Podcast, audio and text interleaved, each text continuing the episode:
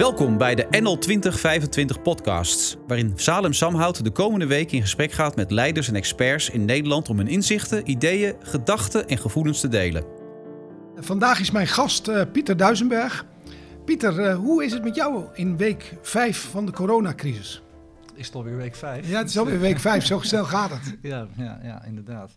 Nee, het, het, uh, het gaat, het gaat mij, mij goed. En ook mijn gezin is gezond, dus mijn omgeving is gezond. En vooralsnog ook alle mensen met wie ik werk. Uh, ik heb één iemand hier bij ons in de organisatie die, uh, die wel ziek is, maar de, daar gaat het goed mee. Oké, okay. wat ik uh, vaak aan mensen vraag is, waar heb je nu excitement over? Waar is je zorg die je hebt en welk gedrag vertoon je in deze coronacrisis? Ja, zo, dat is een hele moeilijke, of een paar hele moeilijke ja. vragen.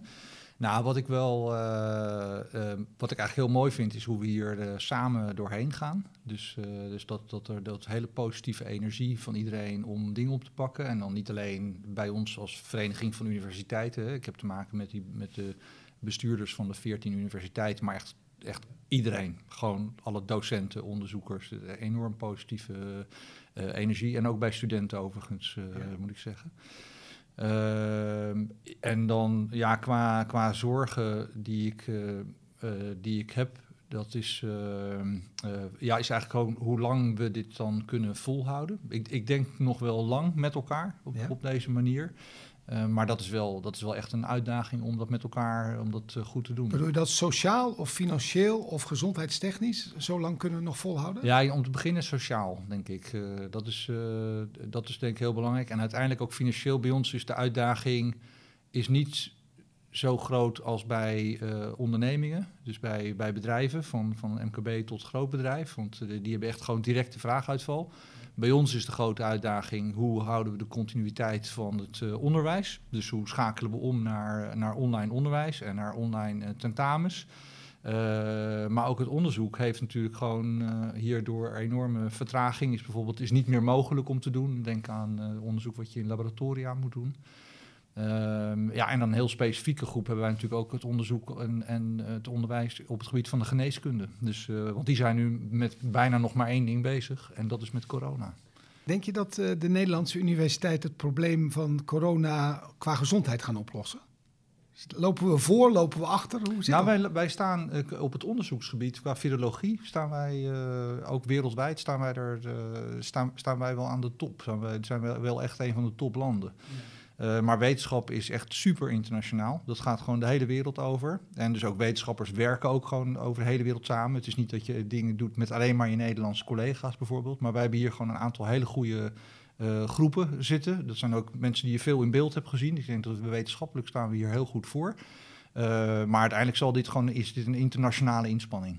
Hoe is dat die inspanning, want het bedrijfsleven en de universiteiten, die onderzoek en eh, business moeten elkaar vinden om het probleem, denk ik, op te lossen. Hoe kijk jij daar tegenaan? En zie je ook al die kruisverbindingen? Nou, het is ten eerste ook los van corona, is dat een van onze uh, ja, kernopgaven om, om die verbinding te maken. Dat is ook, dat is ook voor mij persoonlijk de kernopgave. Dus wij als stelsel van universiteiten, hè, met de 14 Nederlandse universiteiten, hebben we eigenlijk uh, twee hoofdopgaven die ook ik mee heb gekregen als voorzitter. Dat is ten eerste moeten zorgen dat we aan de internationale top blijven. Je moet gewoon topkwaliteit, zowel qua onderzoek als qua onderwijs kunnen leveren. En ten tweede, de universiteiten moeten willen midden in de samenleving staan en impact hebben met hun, met hun onderzoek. En dat kan zijn naar bedrijfsleven, het kan ook zijn, denk aan bijvoorbeeld sociaal-wetenschappelijk onderzoek, breder in de samenleving. dus die uitdaging, die, uh, die agenda, die, die hebben wij al. Dus er wordt heel veel samengewerkt. Ja, en dat, zal, dat is op dit gebied is dat natuurlijk uh, ook een, een, heel belangrijk punt. Dus hoe breng je uiteindelijk fundamenteel onderzoek naar een, naar een toepassing? Maar dat moet nu veel sneller. Fundamenteel onderzoek heb ik altijd een gevoel dat duurt lang uh, en dan heb je ook wat. Maar nu bij zo'n coronacrisis moet het snel en de oplossing moet daar komen. Hoe, hoe wordt dat met elkaar verbonden, die twee verschillende snelheden? Ja. Ja, dus dat, dat gebeurt uh, eigenlijk heel erg lokaal. Dus dat, dat, dat hangt af van de initiatieven van mensen. En uh, wij proberen dat als uh, collectief nu ook te bundelen. Dus wij hebben nu net een, een, eigenlijk een platform in de lucht gebracht, resilientsociety.nl. Wat een soort marktplaats is voor, voor vraag en aanbod. Waarbij we zowel de, de wetenschap als bedrijfsleven bij elkaar proberen te krijgen. Zodat je één punt hebt waar je kan zien uh, wat er gebeurt op dit, op specifiek bij de uitdaging voor COVID-19. Je zegt een hele mooie term, resilient society. En dat, die term is actueler als ooit, zeg ja, maar. Kun je eens zeggen wat jij onder een resilient society, uh, ja, wat je daaronder definieert? Hoe nou, is dat? Ja, nou, ja dus, dus eigenlijk, misschien is het wel wat we op dit moment waarnemen. Wat, we, wat we nu doen, eigenlijk onder leiding van het, uh, van het kabinet. Ik vind, dus het is een lijn die mij heel erg aanstaat. van met elkaar komen we hier doorheen.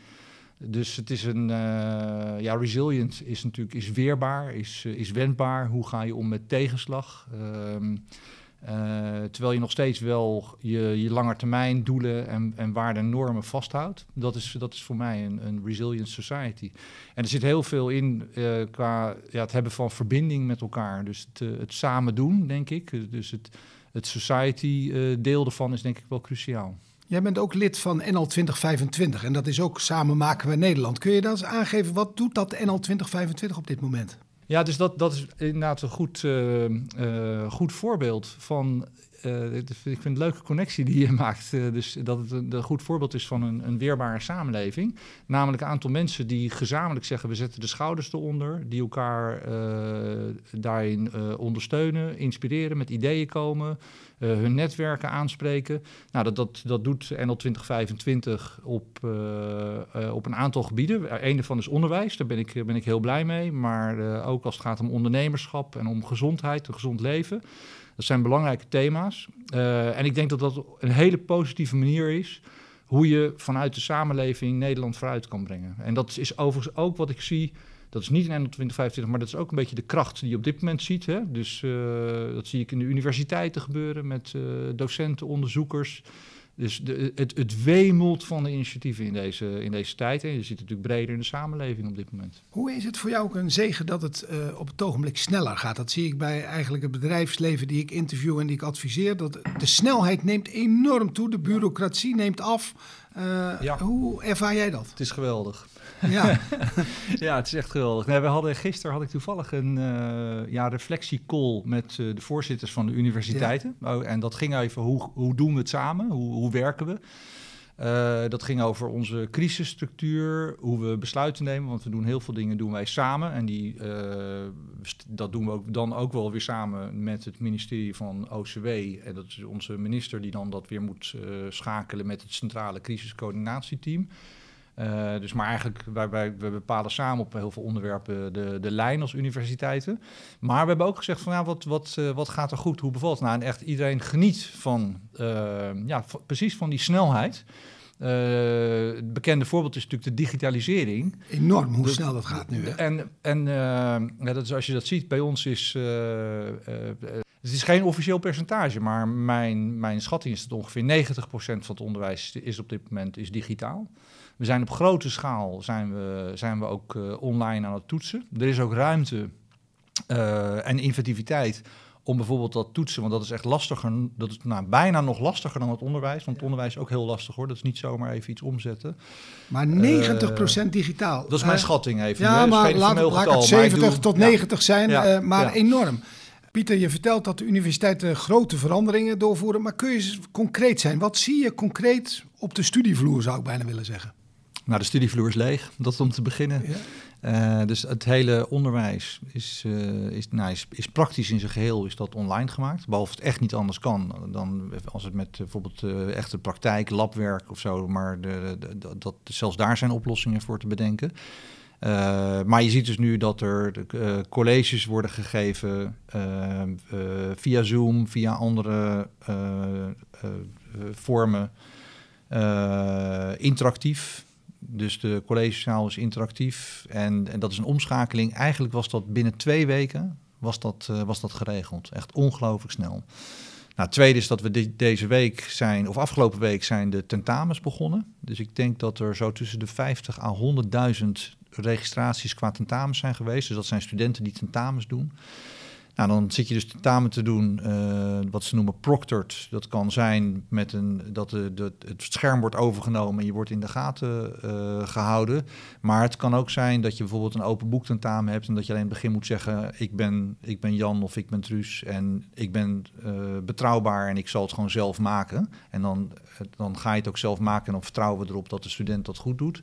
Maar dan maakt dus de student maakt thuis het tentamen. Maar echt dat het scherm open wordt gezet en dat een, een examinator gewoon in de woonkamer van de student kijkt. Ja, je kunt, nou, dus je kunt en in de, in de woonkamer en in de kamer uh, kijken, maar dan zie je dus de, de student. Je ziet er niet omheen, dus ja. je kunt de privacyregels worden dan gevolgd. Dat is ja. wel uh, dus ook nog een randvoorwaarde waar je rekening mee hebt te houden.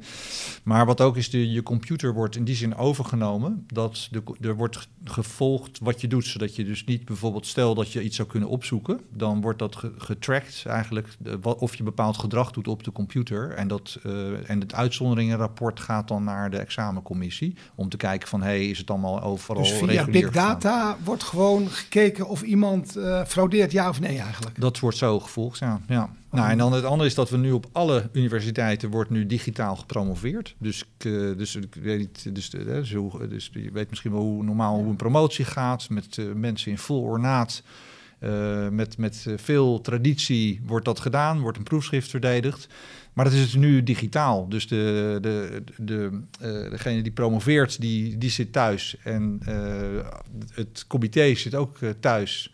En uh, ja, dat gaat dus volledig gaat dat nu uh, online. En uh, wat, we hebben zelfs op het web ergens geloof ik een filmpje staan van iemand die dan uiteindelijk die zijn doctoraat uitgereikt krijgt, maar gewoon in de, in de eigen tuin. Dus, Fantastisch, hè? Wat een ja, mooie dus, voorbeelden. Dus, dus het, is, het is enorm inventief wat er, wat er allemaal gebeurt. Maar, en het is ook zo verschrikkelijk snel gegaan. Dat ja. is echt, echt waanzinnig. Dus wetenschap en creativiteit komt nu bij elkaar. Dat, uh, dat, dat zie je maar weer. Ja, het, zit, het zat altijd al, het, het is één en hetzelfde. Ja. Mooi. Wat betekent dat dat de universitaire kennis misschien wel echt voor de hele bevolking uh, toegankelijk gemaakt kan worden? Ja, dus daar zie je ook een enorme uh, snelle slag. dus we zijn nu ook aan het spreken, wat gaan we na deze crisis doen? Ja. Dus, en, en, en we hebben gisteren ook naar elkaar uitgesproken dat we eigenlijk hopen dat de sfeer van deze crisis, dat we dat op een of andere manier weten vast te houden. Dat positieve.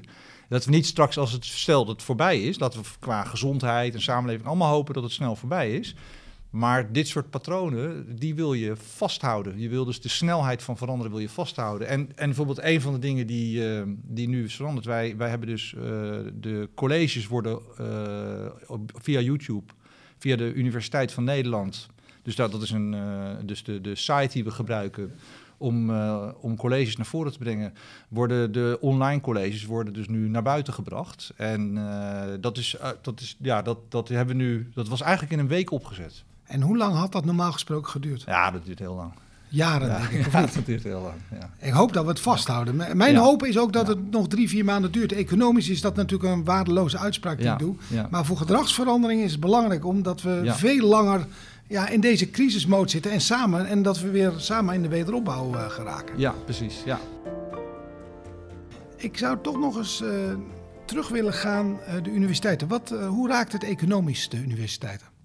Ja, puur de, de puur de financiële kant.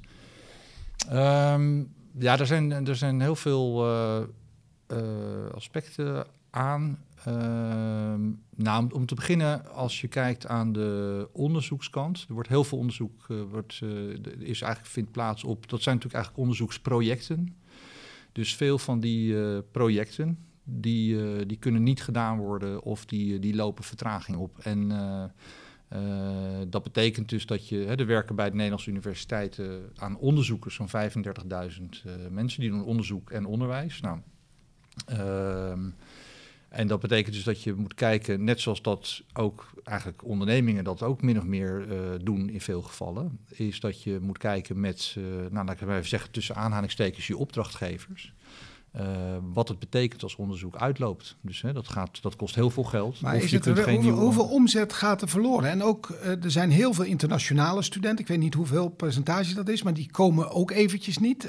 wat voor een effect heeft dat? Ja, nou, dus, dus als je dus, nou, dus ik, ik moet dit voor, met, met, enige, met enige voorzichtigheid, maar je praat per maand ongeveer echt over een paar honderd miljoen euro. Dat is per maand kost. Maar dus waar zit je ventiel? Kijk, je ventiel zit in je volume en je kwaliteit, wat je niet zou willen. Dus als je bijvoorbeeld, je, je, kunt als samenleving zeggen, we gaan minder onderzoek doen. Dus, dus dan, dan, daar zit een ventiel. Maar als je je onderzoeksniveau wil vasthouden, dan, heb je, dan, dan is dat wat het kost. Qua onderwijs is de omslag kost op dit moment geld. Want je wordt enorm veel geïnvesteerd natuurlijk in, uh, in, in, het online onderwijs, in tentaminering. En heb je langer termijn, wat er, uh, wat gaat gebeuren, is dat er bij iedereen verwacht dat er veel minder internationalisering zal zijn. Uh, dat betekent ook dat er, dat is, nou, dat is, ja, het eerste effect is een financieel effect voor de universiteiten. Het tweede effect is meer een economisch effect breed voor de economie, voor Nederland, als, uh, als uh, magneet voor talent. Dat, dat, dat, dat je dat, dat misschien een, een stap terug gaat nemen. Maar dat weten we niet. Hè? Misschien is Nederland straks wel het land waarvan iedereen wereldwijd zegt: die gaan heel goed met zo'n crisis om, daar ben ik veilig. Ze zijn heel responsief geweest. Uh, er is snel gereageerd. Je kunt daar op de campus heel goed studeren. Maar ook als er zo'n crisis zich weer voordoet, dan hebben ze een heel goed alternatief. Namelijk een geweldig netwerk van online mogelijkheden. Waardoor we ook in een situatie langer termijn, als zich weer zoiets gaat voordoen, dat je denkt van nou, dat is de moeite waard om naartoe te gaan. Ben je trots op ons land op dit moment? Ik ben altijd trots op dit land. Ja? ja. En nu extra nog? Waarom ben je zo trots op dit land? Wat maakt dit land zo mooi voor jou? Nou, ik vind wel dat. Uh, maar het, ja, misschien zeg ik dit te snel, want we zitten nu. Het moment van dit gesprek zijn natuurlijk de eerste ook wel positieve signalen dat we die crisis, dat we hem, uh, of dat, dat, we, dat, we, dat we het onder controle gaan krijgen. En ik, maar ik ben om te beginnen wel heel erg trots op de saamhorigheid. Dus uh, op, op, het samen de, samen de schouders eronder zetten. Dat, uh, daar ben ik wel heel trots op. En dan vind ik ook dat ons kabinet dat op een hele goede manier uh, uitstraalt en oppakt. Ja. Je was, zoals je zei, gisteren met al die voorzitters van de universiteiten. Wat waren de grootste concerns? Wat, wat, wat, wat, was, wat waren jullie grootste vragen? Waar zouden we ze over kunnen hebben? Wel, waar zou je advies over willen hebben? Ja, dus het, het belangrijkste wat... Kijk, we zitten nu... Nou, jij zei het net, het is week vijf inmiddels. Ja. Dus inderdaad, dat ik weet nog dat ik... Het was 15 maart volgens mij was de beslissing. Want ik, ik ben zelf toen op, op zondag ook uh, hier geweest uh, bij het ministerie... om erover te hebben en ook te, te, zeggen wat wij als universiteit uh, verstandig vonden om te doen. Maar het is inderdaad al zo lang geleden. Uh, kijk, je, waar, waar we eigenlijk doorheen gaan is eh, dus eigenlijk de grootste zorg van iedereen nu is van hoe houden we het vol. Dus uh, uh, je gaat net zoals bij ieder, daar heb ik het gisteren ook mee vergeleken, net zoals bij ieder project heb je zo'n fase dat je heel enthousiast vol energie ga je ervoor. En dan op een gegeven moment kom je in de fase, uh, dat, ja, het, het, is namelijk echt keihard werken voor iedereen. Gewoon van ochtends vroeg tot avonds laat. En het is ook, ook het werken online is, is, is vermoeiender en in, intenser dan het uh, werken, uh, ja, gewoon elkaar zien en even lopen, et cetera. Maar de hele dag achter je bureau en, en uh, naar, naar de keuken als je niet uitkijkt om koffie te halen en weer, en weer terug naar je bureau. Hè. Dat is, en dat, dat, ik denk dat heel veel mensen dat, dat doen. en dan heb je ook nog veel mensen, veel onderzoekers, docenten die met, bijvoorbeeld met jonge kinderen thuis zitten. Dus die moeten en werken om die colleges, want iedereen wil gewoon die colleges omzetten naar online of wil met zijn onderzoek doorgaan. Uh, maar heeft dan ook zijn thuissituatie nog. En, en dat, is, dat is wel echt, dat is echt heel, uh, heel vermoeiend. En dan hebben we ook nog de, aan de studentenkant. Ja, dus die moeten ook, hè, die zijn nu die hebben ook even hun sociaal leven is, is, is even afgekapt. Uh, ze zijn aan het studeren thuis. Ik vind dat ze het geweldig oppakken. Ik vind dat ze ook elkaar heel goed, heel positief stimuleren. Ze maken allemaal afspraken met elkaar. Uh, dus, dus dat, uh, dus daar, maar, maar dus, dus met z'n allen het vol, de positieve energie erin houden. Dat, dat is denk ik, ik de denk, uh, wat, een paar dingen. wat je ziet in, in gedragsverandering.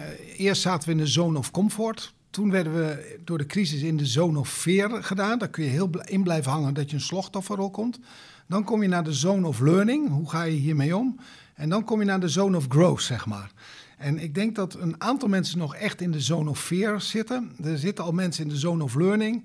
En misschien zijn er een paar mensen al die in de zone of growth zijn. En daar moet je wel doorheen.